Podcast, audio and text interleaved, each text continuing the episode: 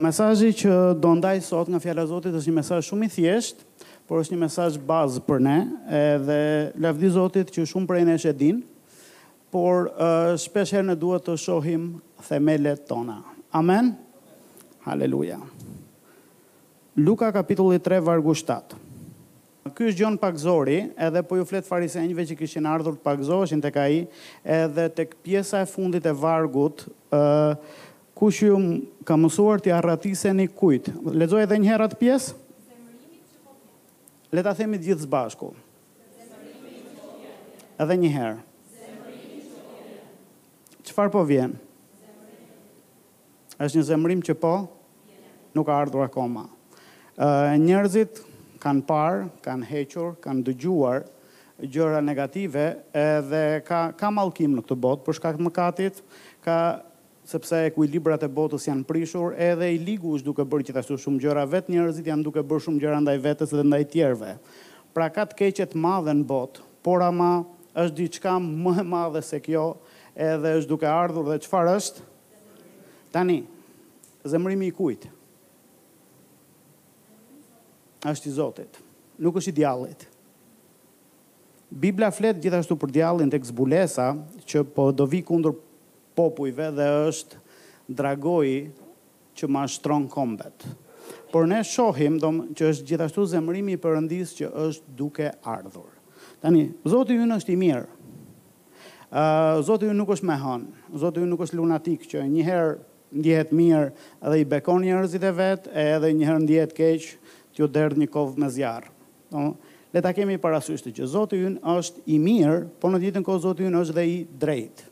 Kështu që është i njëjti Zot kur bekon dhe është i njëjti Zot edhe kur gjykon. Dhe Bibla thotë që ai gjykon drejt. Amen. Tek Romakët kapitulli dy,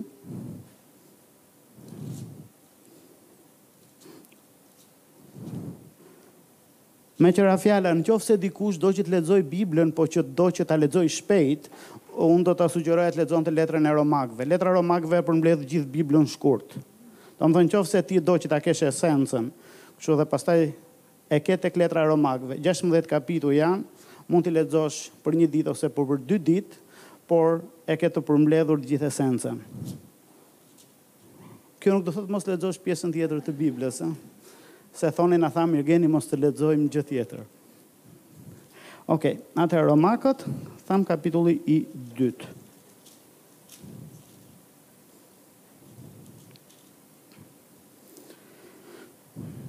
Vargu 2 thotë, por ne e dim se gjykimi i përëndis është si pas të vërtetës mbi ata që bëjnë gjëra të tilla. Gjykimi i Perëndisë është sipas të vërtetës. Diku tjetër ne shikojmë te kapitulli tre, te kapitulli pesë, ne shikojmë që gjykimi i Perëndisë është i drejtë. Është i drejtë dhe është i duhur. Dhe është i mirë. Neve shpesh nuk na pëlqen kur gjykimi drejtohet ndaj nesh, por në fund fare edhe vetë njerëzit që janë gjykuar e dinë që janë gjykuar sipas të drejtës dhe sipas të vërtetës. jo sipas asaj që neve na intereson apo na leverdis, por sipas të drejtës. Edhe kapitulli pesë, më fal, një, vargu gjashtë thotë, Ai do të shpaguajë secilin sipas veprave të tij. Ëh, pata një telefonatë Para dy javësh, nga dikush që kemi qenë miq prej kohësh, ka besuar herët, por është lëkundur në besimin e vet. Edhe ka filluar të jetojë sipas standardit të vet, jo sipas standardit të Zotit, po është përpjekur që të mbajë një këmbë. Unë nuk është se kam hequr dorë nga Zoti, por më pëlqen të bëj gjënë që dua unë. Edhe në bisedë e sipër, U hap tema që do t'i japim llogari Perëndisë. E tha, ç'është kjo, tha. Do t'i japim llogari Perëndisë. Tha, ç'a llogarie, ç'është kjo? Do t'i japim llogari Perëndisë. Një burrë i Zotit me emrin Daniel Webster ka thënë që mendimi im më i lartë është llogaria që do t'i jap Zotit. Do të thotë që ne kemi shumë mendime, kemi mendime të vogla që do ta ha bukën me gjalp apo me djathë, ne kemi mendime që ça do vesh sot, kemi mendime ça pune do zë, ka edhe mendime nga më të ndryshmet dhe këto kanë nivele të ndryshme, ka ca që nuk ka rëndësi nëse bëhen nuk bëhen, ka ca kanë kosto më të vogël po ca ka ca që kanë kosto shumë të lartë apo përfitime të larta dhe ai thotë që mendimi im më i lartë është llogaria që do t'i jap Perëndisë. Edhe unë e shikoj këtë, domethënë si një nga cilësitë e njerëzve që ecin me Perëndinë. Domethënë për mua nuk ka rëndësi nëse dikush thotë unë i besoj Perëndisë. Bibla thotë edhe demonët besojnë dhe dridhen. Djalli është besimtari më i madh në kishë, është anëtari më i rregullti në kishë, vjen çdo çdo ditë e kemi këtu sa herë kemi kishë. Por, ai nuk bën vullnetin e Zotit, ai beson, ai e njeh dhe Shkrimin. Ai i citoi Jezusit Shkrimin, kur Jezusi i tha që është shkruar, djalli i tha, është shkruar gjithashtu, dhe Jezusi i tha prapë është shkruar. Kështu që djalli e njeh Shkrimin, djalli e beson Perëndinë, djalli i njeh ëngjëjt, sepse ka bërë luftë kundër Michael-it, Mikaelit, Edhe kështu që nuk është njohuria dhe nuk është të besuarit, por është zemra për Zotin dhe është të qenit i përgjegjshëm dhe llogaridhënia para Zotit. Domethënë që unë t'i besoj Zotit, por ta loz lojën sipas rregullave të mia, nuk ka. Rregullat e lojës i ka përcaktuar tjetër kush. Ne ose luajmë sipas atyre rregullave, ose vazhdojmë jetën tonë. Amen? Mëkati ka si thelb që unë dua t'i bëj gjërat sipas kokës time, në mënyrën time, si dua unë, unë jam autoriteti më i lartë, unë vendos. Ky është mëkati. Kurse, e kundërta e mëkatit është, Perëndia është babai im, Perëndia është ati im, unë jam pjesë e familjes tij, ai e di ç'a është më e mirë për mua. Kjo nuk na heq vullnetin e lirë, sepse Ai na thotë, Ha nga të gjitha pemët e kopshtit, janë shumë, vetëm nga kjo këtu mos ha. Ke plot për të ngrënë edhe këto haji sipas qejfit. Sepse njerëzit kanë këtë ide që, në qoftë se unë do t'i besoj Zotit, unë nuk kam më vullnet të lirë, unë nuk kam më zgjedhje të lirë, unë bëhem robot, unë bëhem makineri. Edhe unë jam kështu si ato makinetat që komandohen me spango. Jo. Njerëzit që janë më të lirë janë ata që i besojnë Perëndisë. Jezusi tha, Ai që mëkaton është skllav i mëkatit. Ai nuk shkëputet dot nga ajo gjë. Por, atë që Biri e bën të lirë është me të vërtetë i lirë. Amen? Jezusi ishte i lirë. Jezusi nuk ishte i detyruar të bënte atë që deshi. Jezusi erdhi me dëshirë nga qielli në tokë dhe bëri vullnetin e Atit, u bë njeri. Jezusi shkoi me dëshirë në kryq dhe Jezusi me dëshirë u ringjall. Amen? Dhe ai tha nuk bëj asgjë nga vetja, bëj vullnetin e Atit, por gjithmonë e bëri me dëshirë dhe gjithmonë ishte i lirë dhe gjithmonë i bëri të tjerët të lirë. Haleluja. Okej, por jemi duke folur mbi llogarinë që do t'i japim Zotit, mbi faktin që ne jemi të përgjegjshëm përpara Tij, mbi faktin që do jetë një gjyq i Perëndisë dhe është i drejtë. Edhe personi me cilin po flisja në telefon nuk e donte fare këtë ide. Ai donte që unë të bija dakord me të, sepse për kohë me radhë e kishte shtypur ndërgjegjen e vet që unë s'do jap llogari para Zotit, unë s'do jap llogari para Zotit, Zoti është i mirë. Edhe shpesh njerëzit kanë kaluar te kjo pjesa që Zoti është i a është Zoti i mirë apo Zoti është i keq? Nëqoftëse është i keq ne do japim llogari para Zotit dhe do na dënojë do na hedhë në ferr kurse nëqoftëse është i mirë atëherë ne do bëjmë si të duam dhe Zoti do na bekojë dhe do kujdeset për neve po që asnjëra nga këto nuk është e vërtetë Zoti është i mirë dhe është i drejtë dhe do gjykojë botën me drejtësi edhe është i mirë dhe kujdeset për të vetët Amen Tek, më falni, tek Libri i Predikuesit, kapitulli tetë, vargu njëmbëdhjetë,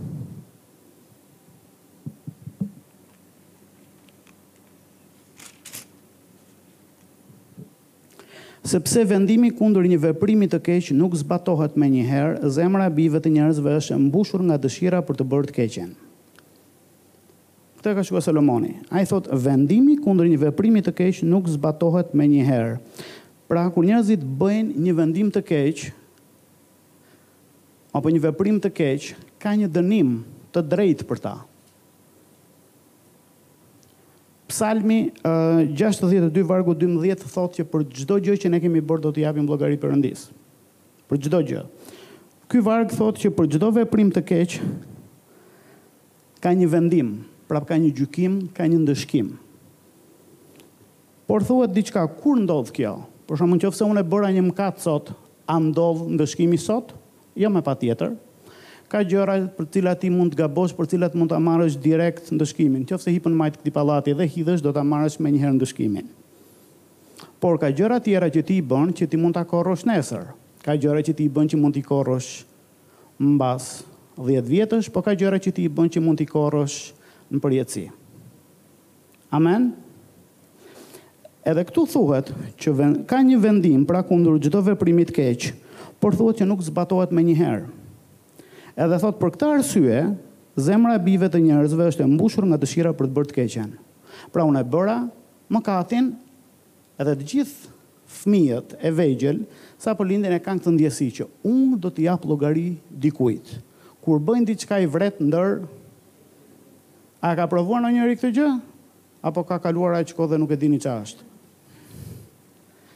Edhe ne po jetojmë në një botë që ndërgjegja s'po ndjehet, s'po duket, nuk nuhatet fare më. Njerëzit kanë vajtur në në atë Nivelin e interesit që nuk e dëgjojnë më ndërgjegjen. Është bërë shumë e rrallë. Tek libri i Jeremias Bibla thotë Perëndia përmes profetit e trajton popullin thotë ty nuk të skuqet më as faqja. Domethënë vete në pikën që të është trashur ndërgjegja, të është bërë ndërgjegja shollë, nuk do t'ia dish më. Edhe njerëzit shkojnë këtu.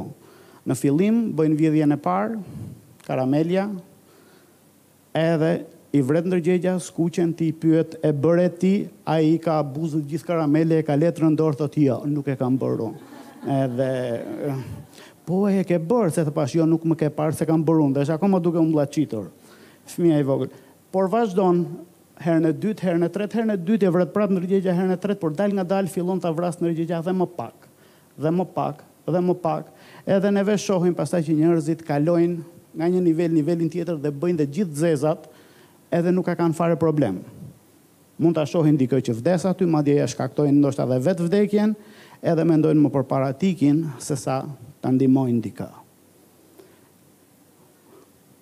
Por, për shkak sepse vendimi apo ndëshkimi kundër një veprimi të keq nuk zbatohet menjëherë, zemra e bijve të njerëzve është e mbushur nga dëshira për të bërë të keqen. Nëqoftëse do kishte menjëherë dënim për mëkatin, ti do shikoje sa shumë do ishte rralluar mëkati.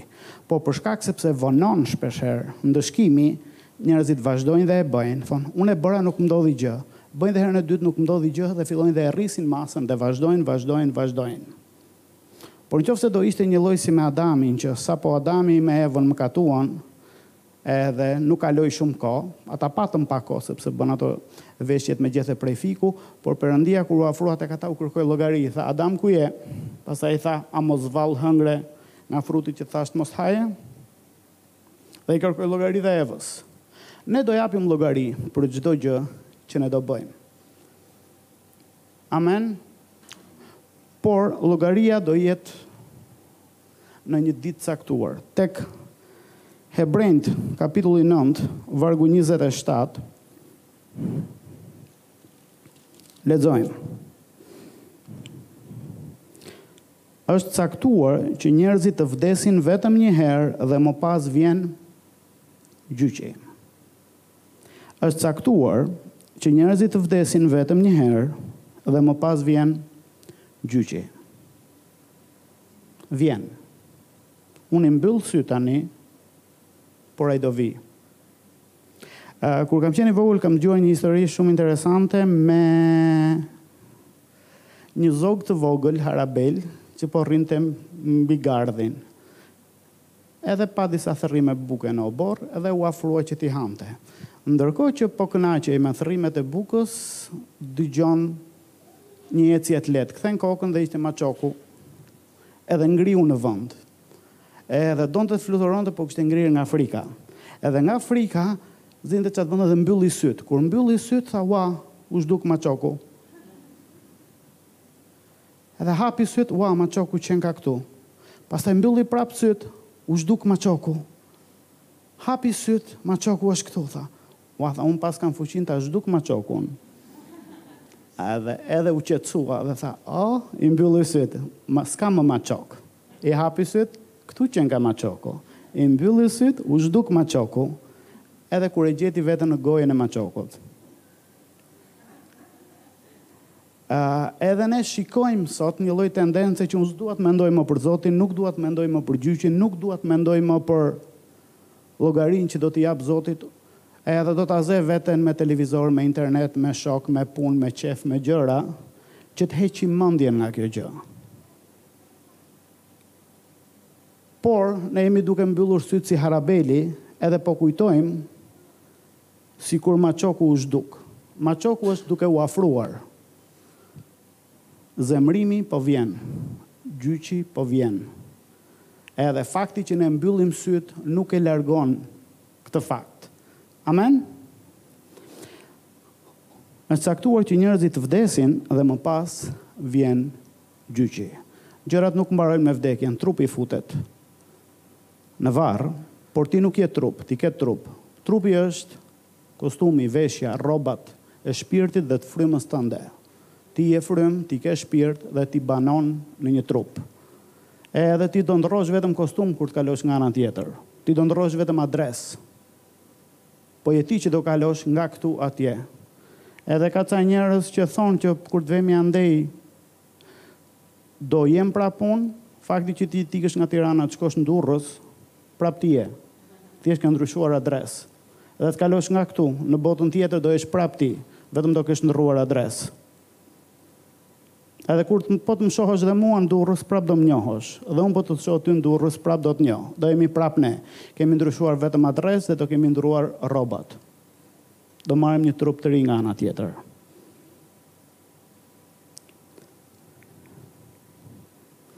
Haleluja! Tani do në lidhje me këtë thjesht jam duke ndarë për këtë edhe edhe edhe dua që të të heqim çik sepse jemi mësuar pak me këtë ritmin e, e një emisioni televiziv që duhet të shkojnë gjërat tani jemi duke folur duhet të rritet ritmi, duhet të rritet ritmi të kalojmë në një pikë kulminante dhe pastaj të vijë zgjidhja. Edhe nuk Ne mund ta bëjmë këtë gjë dhe mund ta bëjmë shumë mirë, por s'bëhet fjalë për këtë gjë. Kjo është një e vërtetë e Zotit, në të cilën ne duhet ta kemi të fortë, edhe në qoftë se ne do shikojmë, Gjon Pagëzori kur erdhi foli për gjyqin. Jezusi erdhi dhe Jezusi foli për gjyqin. Jezusi ju tha dishepujve shkoni dhe predikoni Ungjillin, edhe sapo filloi Pjetri të predikojë tek Veprat e Apostujve predikoi për gjyqin. Pali shkoi dhe predikoi për gjyqin. Predikoi për gjyqin Athinë, predikoi për gjyqin kudo që shkoi. Edhe pastaj folën për lajmin e mirë. Ata folën që Jezusi është gjykatësi i të gjallëve dhe i të vdekurve. Ai do gjykojë këdo. Gjyqi po vjen. Ne do japim llogari përpara atij. Dhe ai do na gjykojë ne për mëkatet tona. Pse? Sepse është Zot. Pse? Sepse Ai beson që ne duhet të sillemi siç thotë Ai, dhe Ai na kërkon llogari a u sollëm apo jo. Ne themi, Pse kështu? Sepse është Zot. Edhe sot është bërë një barazi e të gjithë njerëzve në lidhje me këtë që të gjithë jemi njëlloj, ne s'kemi respekt më për mësuesin, ne s'kemi më respekt për doktorin, s'kemi respekt për policin, për drejtorin, për ministrin, kryeministrin, presidentin, për babain, për xhaxhain, për dikë që është më i madh, për dikë që është më i moshuar në autobus që duhet t'i lirojmë vendin, kur jemi në radhë tek supermarketi kur shohim nënën me bastun që mezi ecën punë e madhe unë erdha i pari edhe pse sepse Jam unë dhe unë vendos dhe të gjithë tjerët o janë njëlloj me mua o janë çik më poshtë. Jo. Zoti është Zot. Jezusi ju tha dishepujve kur ju lau këmbët, Ju më quani mësues dhe më quani Zot dhe mirë bëni sepse unë jam dhe ju të gjithë jeni vëllezër.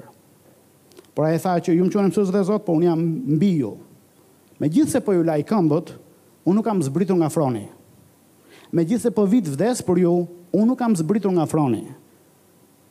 Megjithëse po jap jetën për ju dhe po ju tregoj sekretet e mia, unë nuk kam zbritur nga froni. Fakti që unë po vij dhe po rri me ju, unë nuk kam hequr dorë nga froni.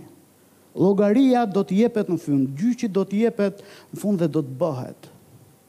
Edhe shumë njerëz e kanë të vështirë këtë që Jezusi ose duhet të bëhet vëllai im i vogël që unë ta marr për dorë dhe të lozim bashkë,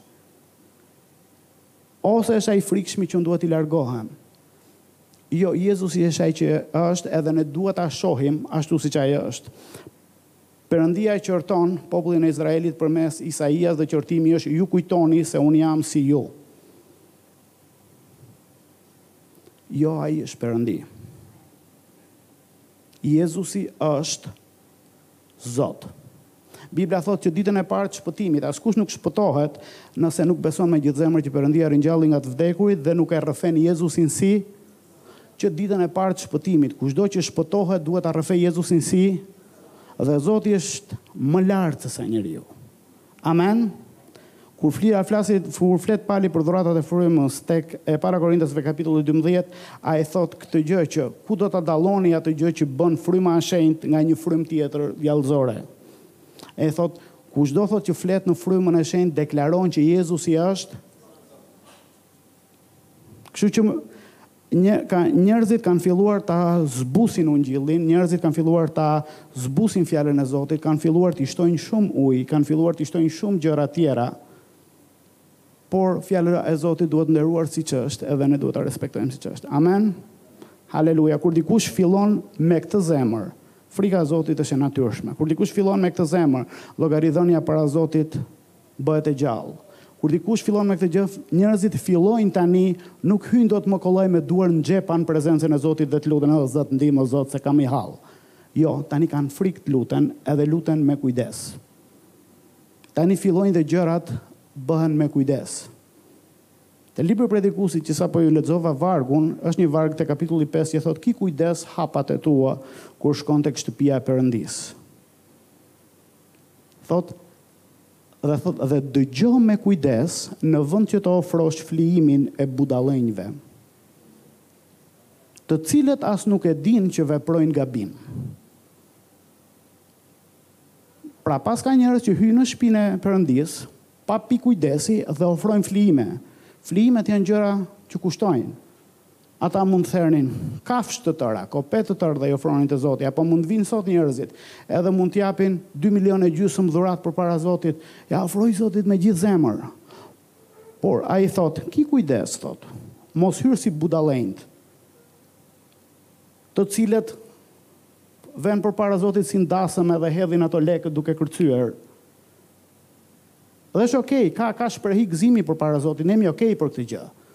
Por, është një gëzim i Zotit dhe frikë e Zotit që ndodhet në zemër në të njëjtën kohë. Është ai gëzimi që, wow, jam në praninë e Zotit, nuk jam në praninë e dikujt të zakonshëm, është Zoti ky. Dhe prapë gëzohesh sepse ai të do. Është është ndjesi e bukur. Unë kam parasysh fëmijët e mi, domethënë kur kishin hipur diku dhe dhe thoja hidhu te babi të të pres babi, që dhe kishin qejf të hidheshin, apo do hidhemi nga trampolina, do hidhemi në det bashkë. Është ajo ndjesia që edhe ke emocion dhe edhe ca frikë, po ke dhe gëzim ta bësh. Edhe kështu është në praninë e Zotit. Në praninë e vërtetë të Zotit të dyja janë të vërteta. Edhe gëzimi që jam në praninë e Tij se Ai më do, po në të njëjtën kohë është i shenjtë. Nuk është dikush i dosido. Edhe sot ne ne ne këtë këtë pakujdesinë, kështu që a un besoj, a kupton? Ë ë kur kur e shef këtë gjë është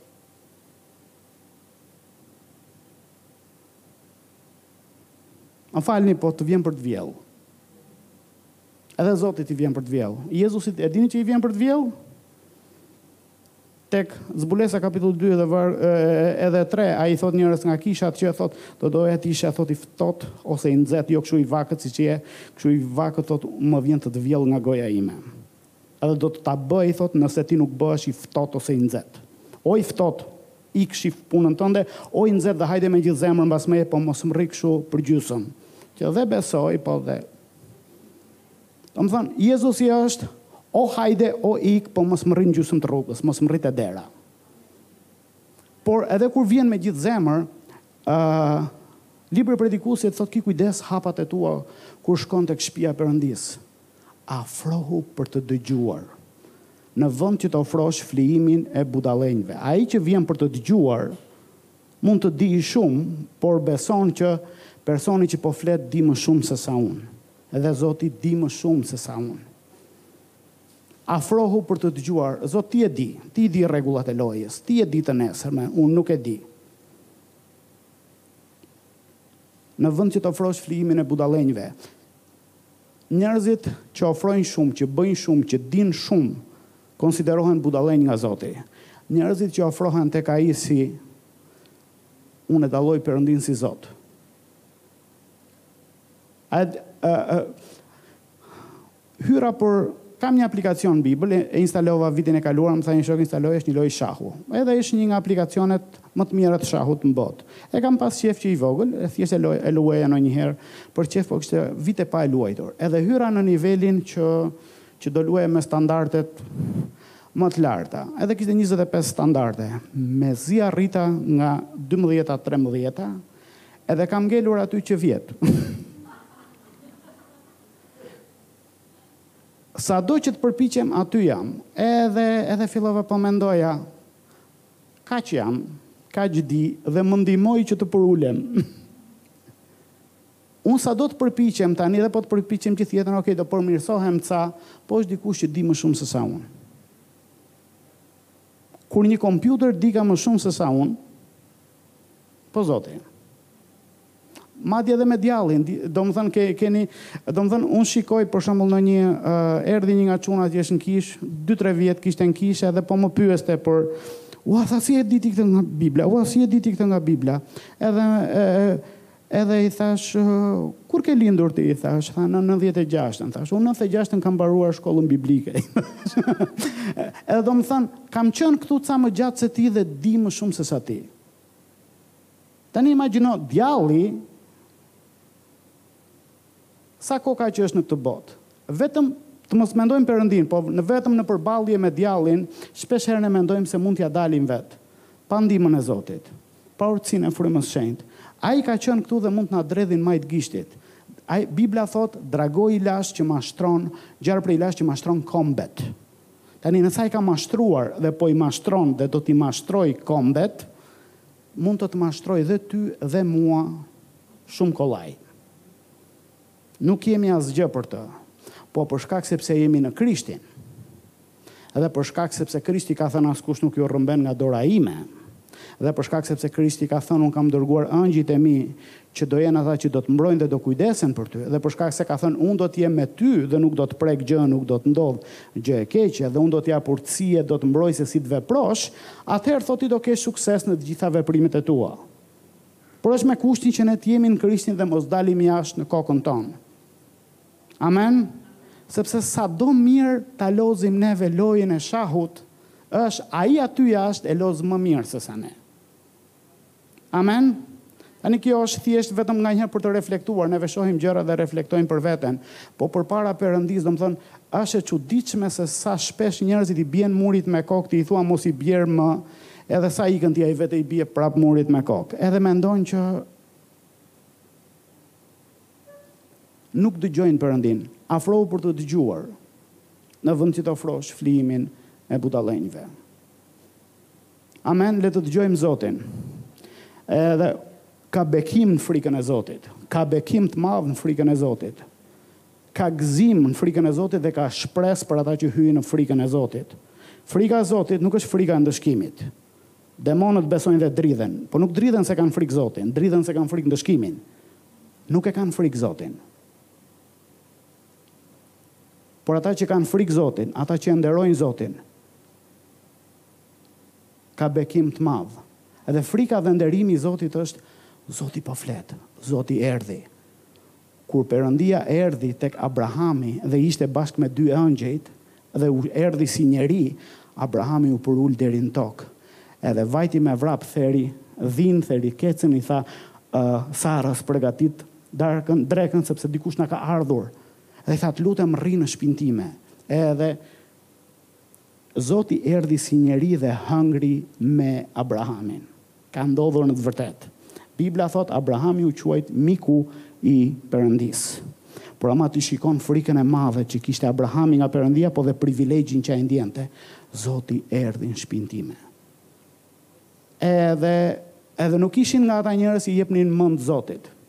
Sepse po shohim sot njerëz Domethënë që kanë një dëshirë shumë të madhe për të dhënë mend, kanë shumë e, e, edhe edhe kanë, domethënë, unë po shikoj te ky brezi që po rritet tani një një respekt shumë të madh për mendimin që mua sa më lindi tani.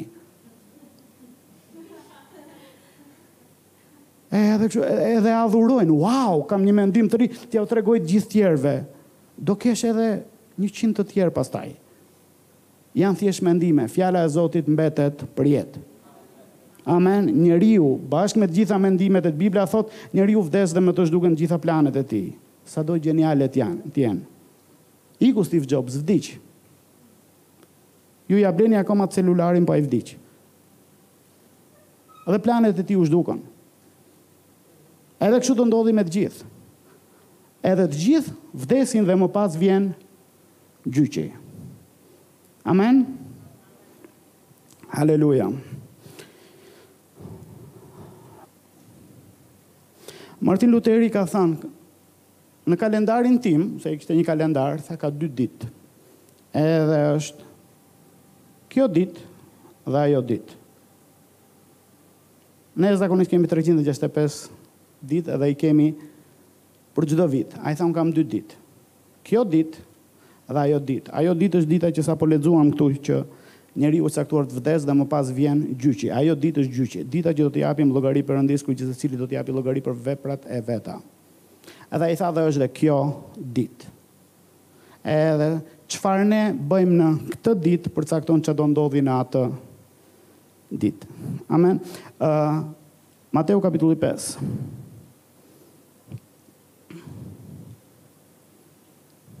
A më doni prap? Okej. Okej, në qoftë se keni ndonjë veza, ndonjë gura, domate për të gjuajtur, gjuajeni tani se do hyjmë më thellë.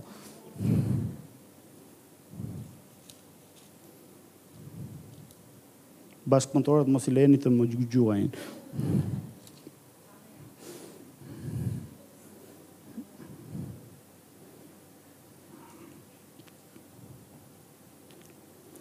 Vargu njëzet e pesë, Bëj një marrëveshje miqësore me kundërshtarin tënd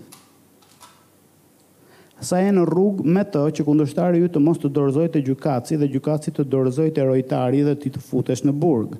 Në të vërtetë të them se nuk do të dalësh prej andej pa e paguar edhe qindarkën e fundit. Atëherë Jezusi është duke folur këtu. Edhe po thotë ti je rrugës për në gjyq. Ja ku është dhe kundërshtari yt, që të dy jeni rrugës po ecni. Ndoshta ti ke ndaluar, ke blerë ca fara dhe po i ha rrugës. Por ti nuk je duke shkuar diku për qejf, ti je duke shkuar drejt gjyqit. Akoma s'ke vajtur, je rrugës për atje. Po këtu qenka dhe kundërshtari yt, ai që të ka paditur, ai që të ka akuzuar. Edhe Jezusi thotë, Ç'a duhet të bësh ti, thotë, Përpiqu hyr në muhabet me këtë që të ka akuzuar, me këtë që të ka paditur, me kundërshtarin tënd, pa hyrë në derën e gjyqit. Sepse se nuk do zgjasi kjo rruga shumë gjatë. Sa je këtu rrugës, bëj këtë gjë. Edhe Jezusi e di ç'a thotë.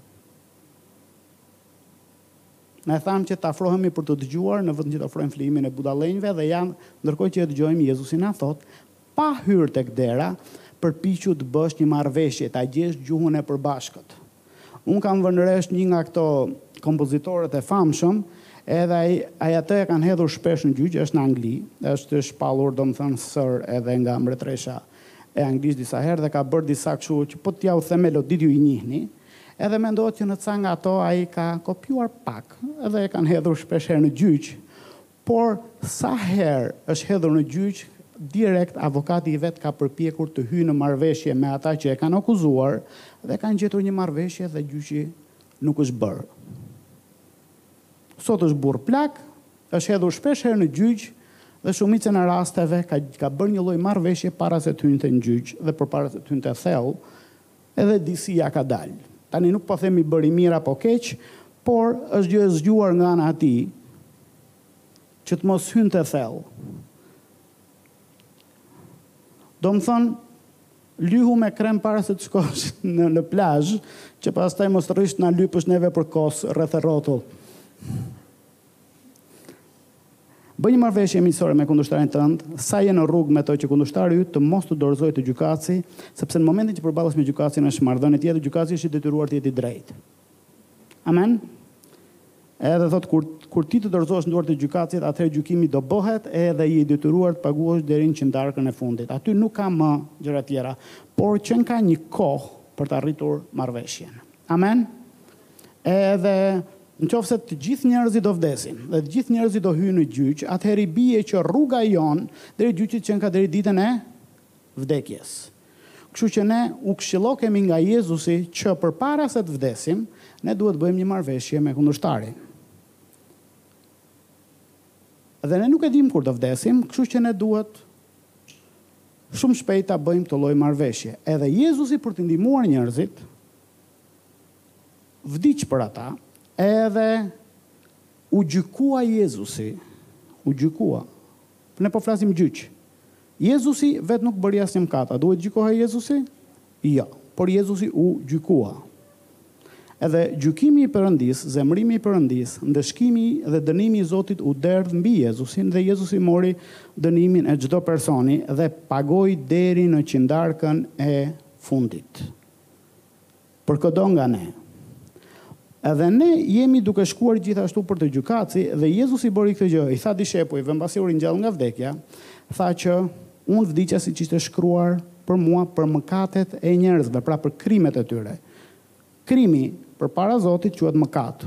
Krimi përpara shtetit quhet krim edhe emra të tjera. Përpara Zotit quhet mëkat dhe është krim shumë i lartë. Edhe Jezusi e pagoi atë gjë, edhe tha ishte shkruar, që Biri i njeriut do dorëzohet në duart e mëkatarëve dhe do të vdesë për mëkatet e njerëzve, ishte shkruar dhe unë e bëra, dhe ata nuk po e kuptonin ende. Edhe ai tha, tani ju do shkoni në mbarë botën dhe do t'i predikoni këtë lajm, do t'i shpallni këtë lajm të mirë gjithë njerëzve, që Unë u gjykova në vendin e tyre, shkova unë te gjykatësi, u dënova unë për krimin që ata kanë bërë, e mora unë dhe e pagova deri në qëndarkën e fundit ndëshkimin. Tani, ju shkoni dhe këta njerëz janë rrugës për te gjykatësi do t'i thoni, dikush e pagoi deri në qëndarkën e fundit dënimin tënd. Nëse ti e beson, ti s'ke pse hyn fare në gjyq. Thuajini njerëzve, Kam një lajm të mirë për ty. Nëse ti beson që Jezusi shkoi te gjykatësi edhe e pagoi dënimin tënd deri në qindarkën e fundit, nëse ti e beson këtë gjë nuk ke pse hyn në gjyq dhe do jesh i lirë nga dënimi. Kush e beson nuk do shkojë në gjyq dhe nuk do paguajë, kush nuk e beson do shkojë si cjapi te kasapi. edhe do paguajë për diçka që s'ka nevojë të paguajë. Amen. Haleluja. Tek zbulesa kapitulli 20,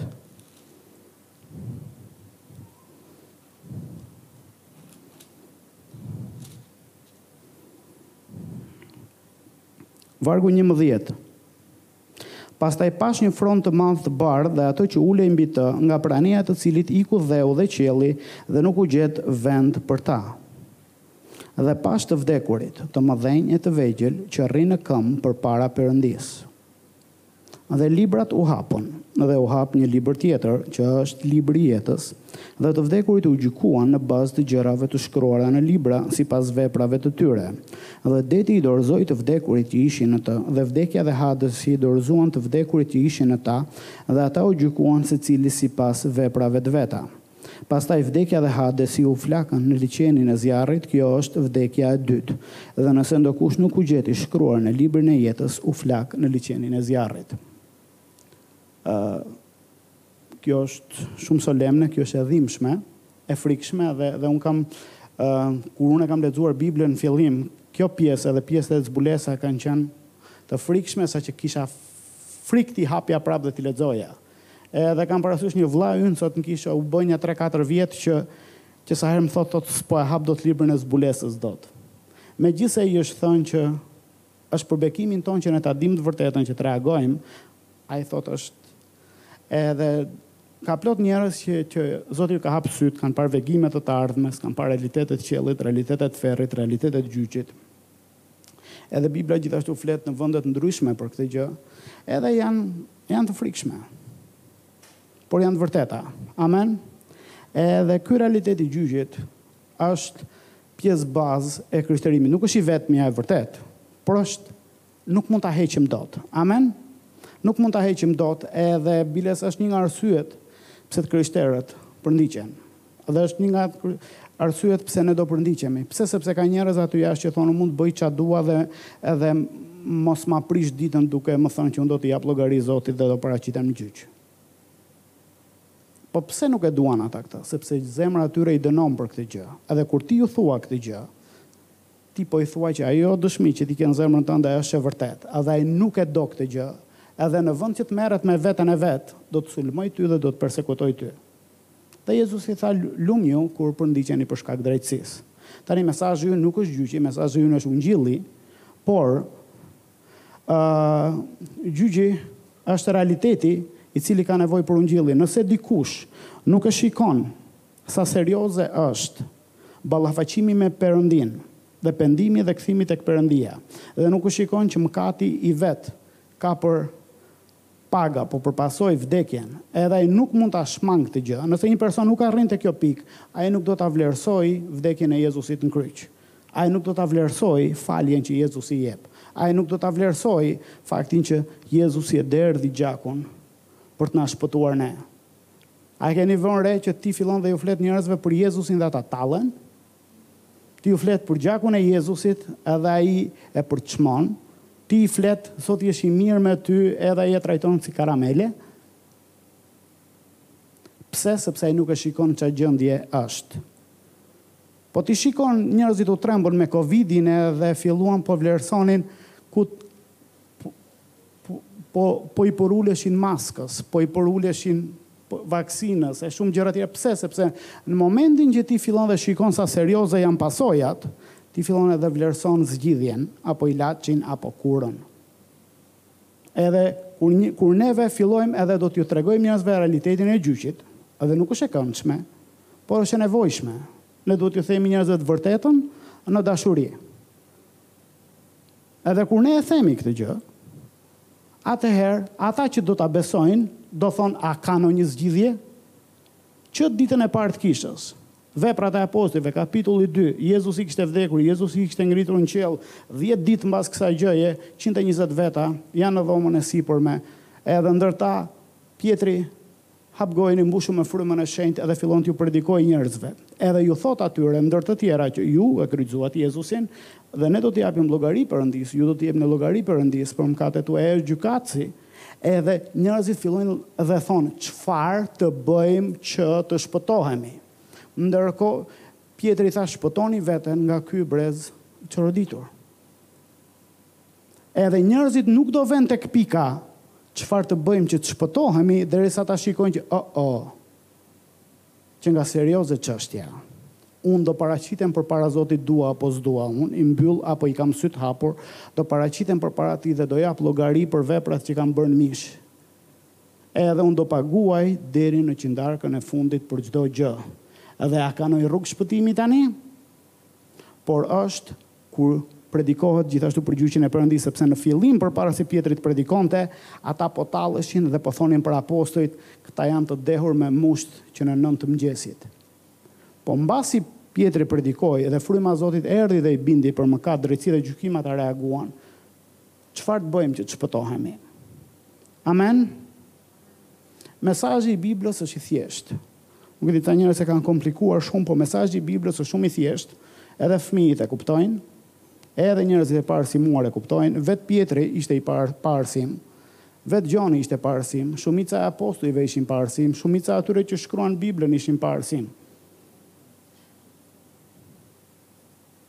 Edhe ndërkohë ne kemi sot studiues që fillojnë dhe hyjnë në të thella që ça ka dashur të thotë dhe shkruajnë libra aq të vështirë për t'u lexuar, ndërkohë që Zbulesa që konsiderohet një nga librat më të vështira është shkruar nga Gjoni dhe Gjoni ishte pa arsim. Gjoni dhe Pjetri ishin në mes Jeruzalemit dhe kur i shikonin farisenjtë i thanë, këta janë njerëz pa arsim.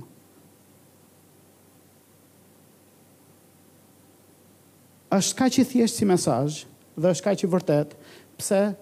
Sepse ne kemi të vërtetën dhe e vërteta është e thjeshtë, nuk ka nevojë të komplikohet. Amen. Jezusi erdhi dhe vdiq sepse s'kishte rrugë tjetër. Nuk erdhi për të na bërë neve një libër interesant që të mbushim shërbesat tona.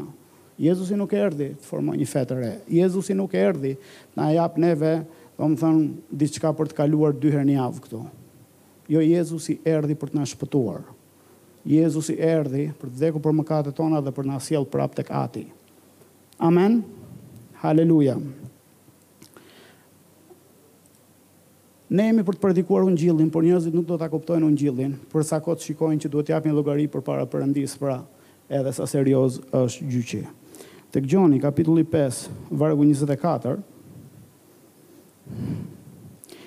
ky është një mesazh që, që, që mua më është dashur ta them diku të tre katër herë në forma të ndryshme, por unë po e shoh që po mungon shumë. Ti shikon brenda kishës, brenda atyre që predikojnë, brenda besimtarëve dhe më të pjekur dhe më të dedikuar, kjo doktrinë po mungon shumë. Por është një nga gjashtë pikat bazë të besimit të krishterë. E edhe pa këtë ndërtesa do bjerë. Haleluja. Ju thashë Gjoni kapitulli 5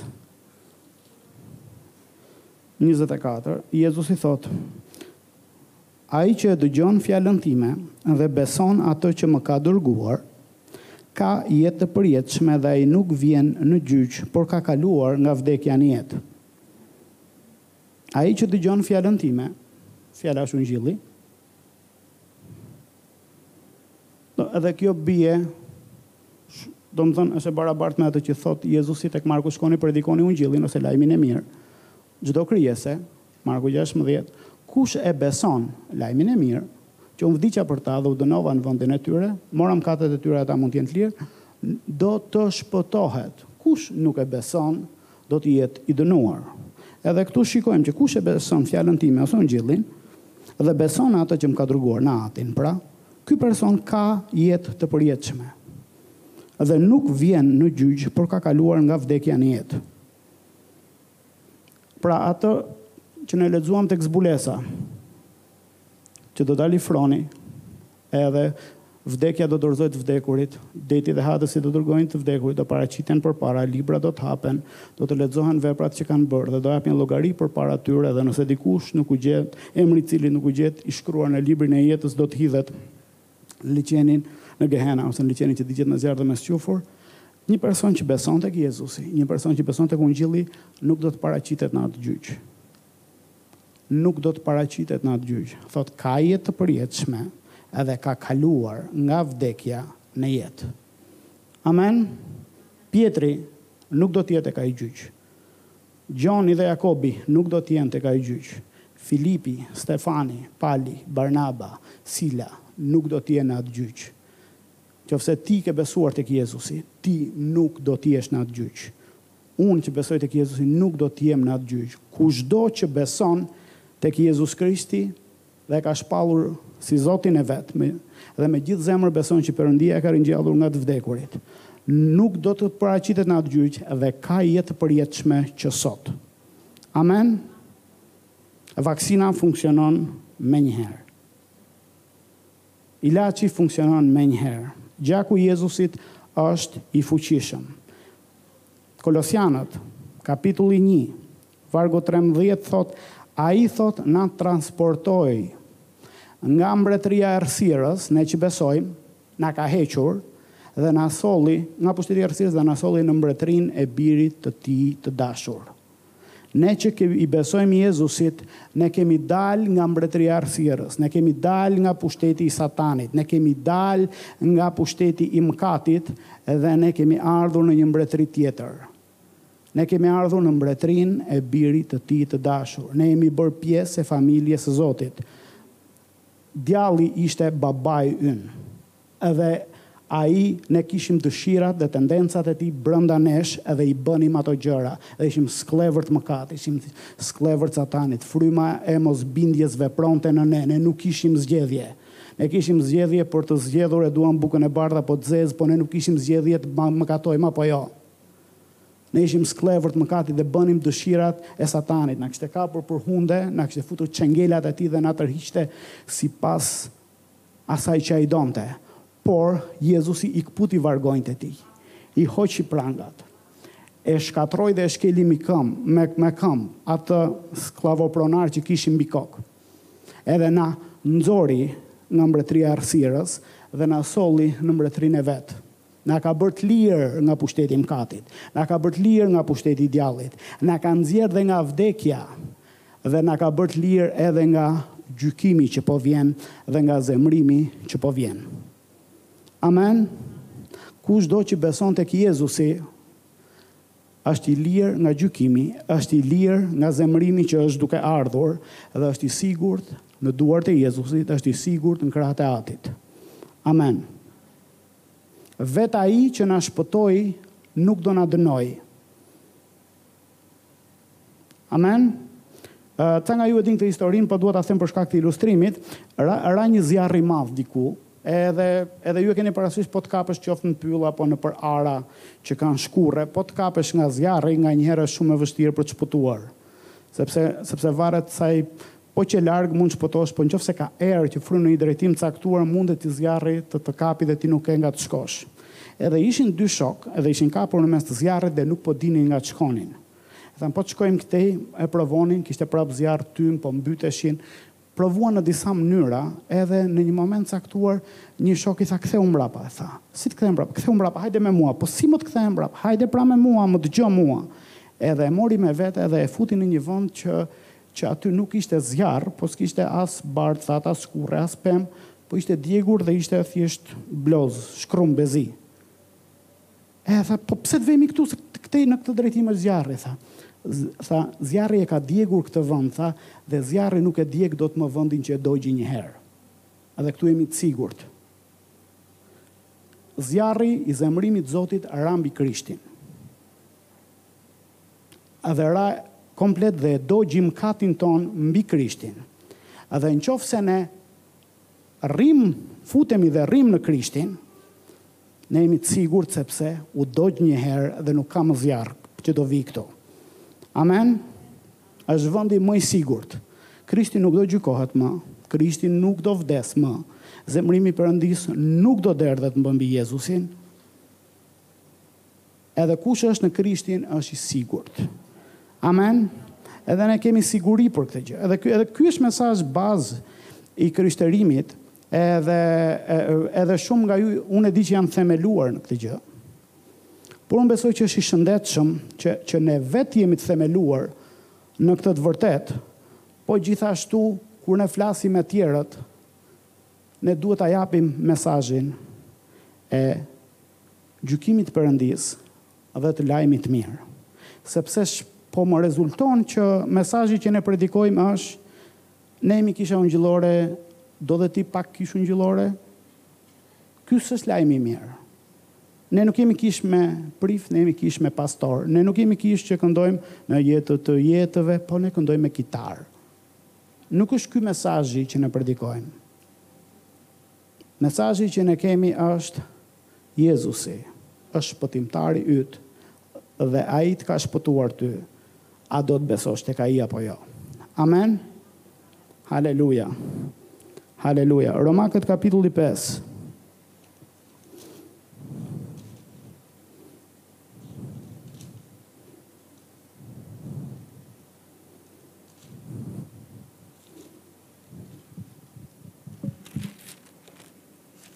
Vargu një.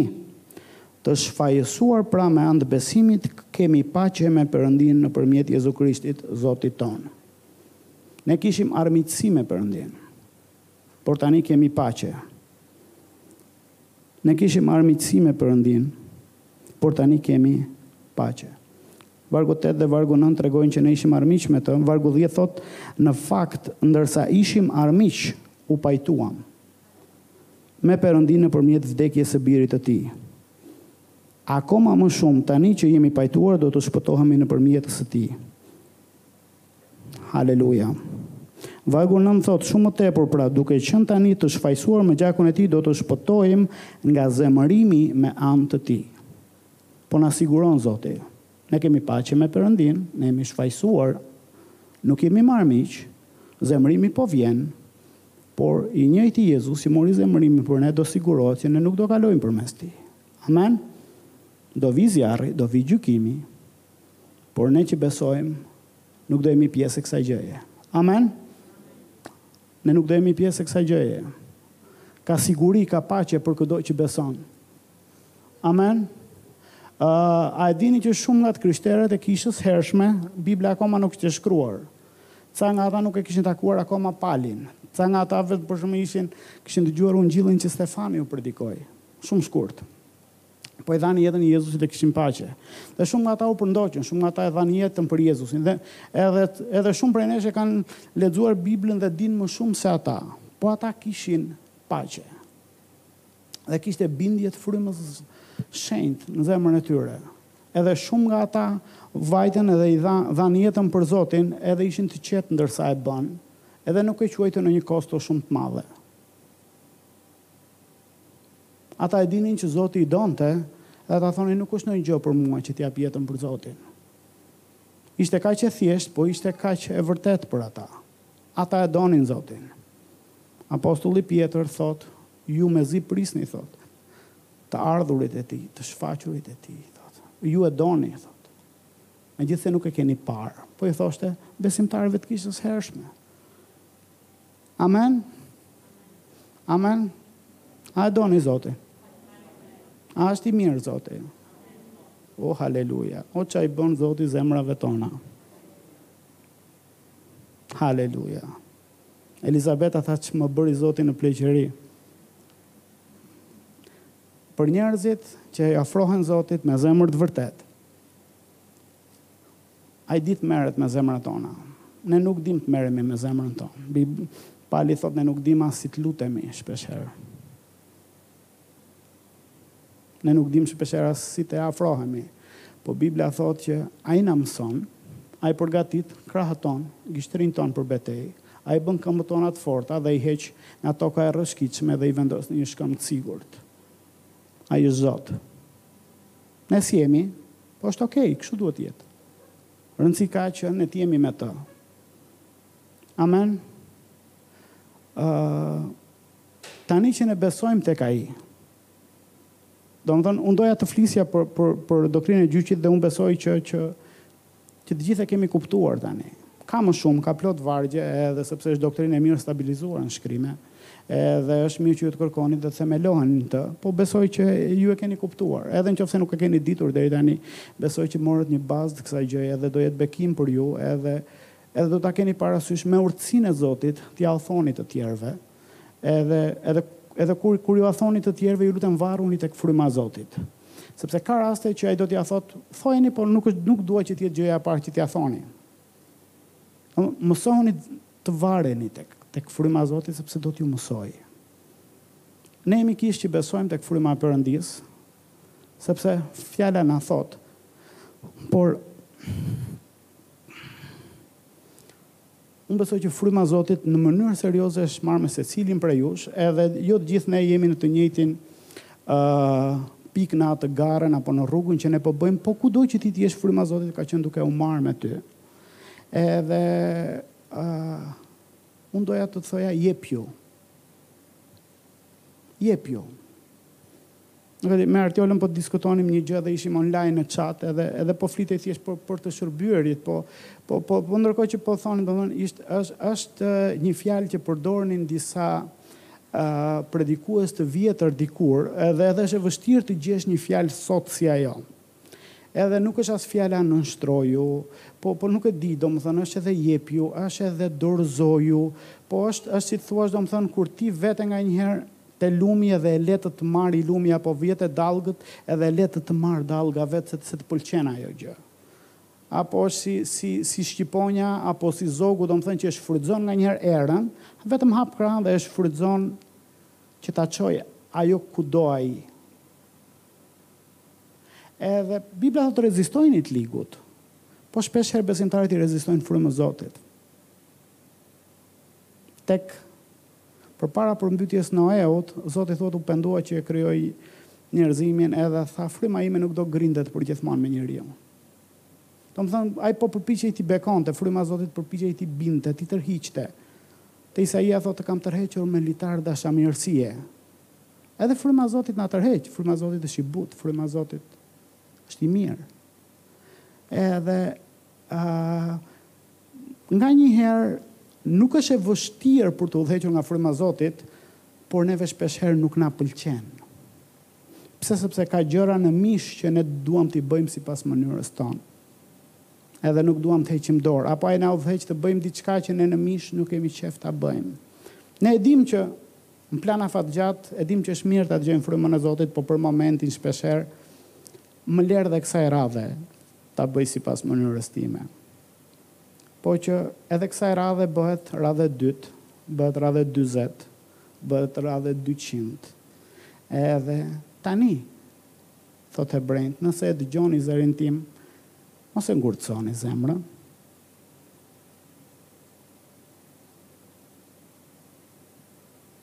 Stefani iu tha atyre përpara se ta vrisnin, tha o njerëz tha qafëfortë, ju gjithmonë tha i keni rezistuar frymës së Perëndisë. E Bibla thotë aq therse ishte u ata u therën në zemrat e tyre ndërkohë që ai fliste, thotë edhe mbyllën veshët dhe nuk donin ta dëgjonin. Njeriu mund të shkojë deri në këtë pikë. Por ne nuk jemi nga ata apo jo. Haleluja. Një grua e Zotit që vdiq në vitet 1970, gati pa, më pak se 50 vjet. ë uh, ishte shumë e lënduar në jetë. E divorcuar në mënyrë të dhimbshme, edhe kaloi shumë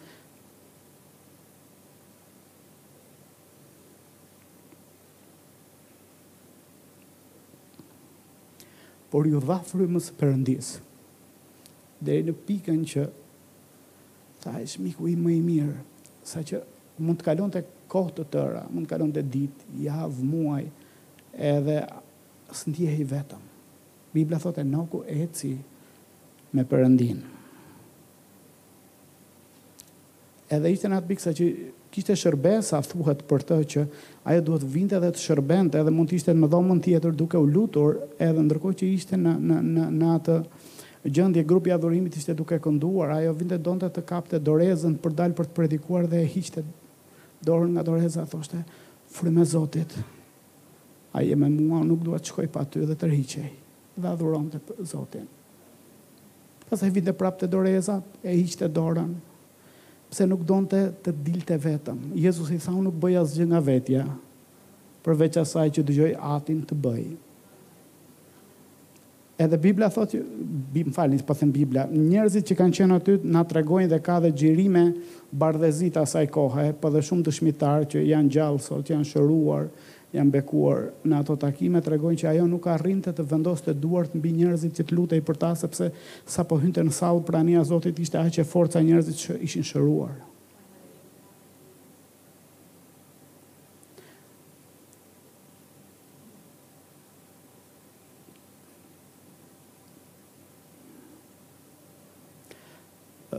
kur isha në shkollë kisha pak që kisha pranuar Jezusin Ka qenë te Liceu Artistik, është rruga matanë televizionit, kishim mbaruar një orë mësimi, edhe dal vetëm, edhe po ecja. Ndërkohë që po ecja, dhe nuk kishte njeri në rrugë, ishte paradite, ishte ditë domethënë kishte pak diell, jo diell i fort, po po e dija që isha vetëm, ndërkohë që kështu dëgjoj, ndjej dikë që ishte me mua. E kthehem mbrapa, nuk ishte njeri. Vazhdoj rrugën, prapë ndiej dikë që ishte aty e kthehem, kush është këtu? Edhe edhe për moment, po po ishte, po ecte dikush. Ku është? Është majtas, pastaj më duket sikur është djathtas, ku është. Edhe e ndjeva, wow. Fryma Zotit. Wow, Jezusi. Po bëhet i gjallë fizikisht. Patjetër unë e kisha lexuar e kisha dëgjuar më ishte predikuar që Jezusi është me ne edhe ai është kudo që ne shkojmë.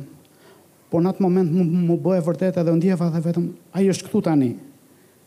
Edhe pata frikë. Po ku është? Është majtas, është djathtas. Nuk po e shifja dhe për një moment është wow, ai qenka në të njëjtin vend me mua, qenka brenda meje. Dy veta në të njëjtin trup. Frika e Zotit.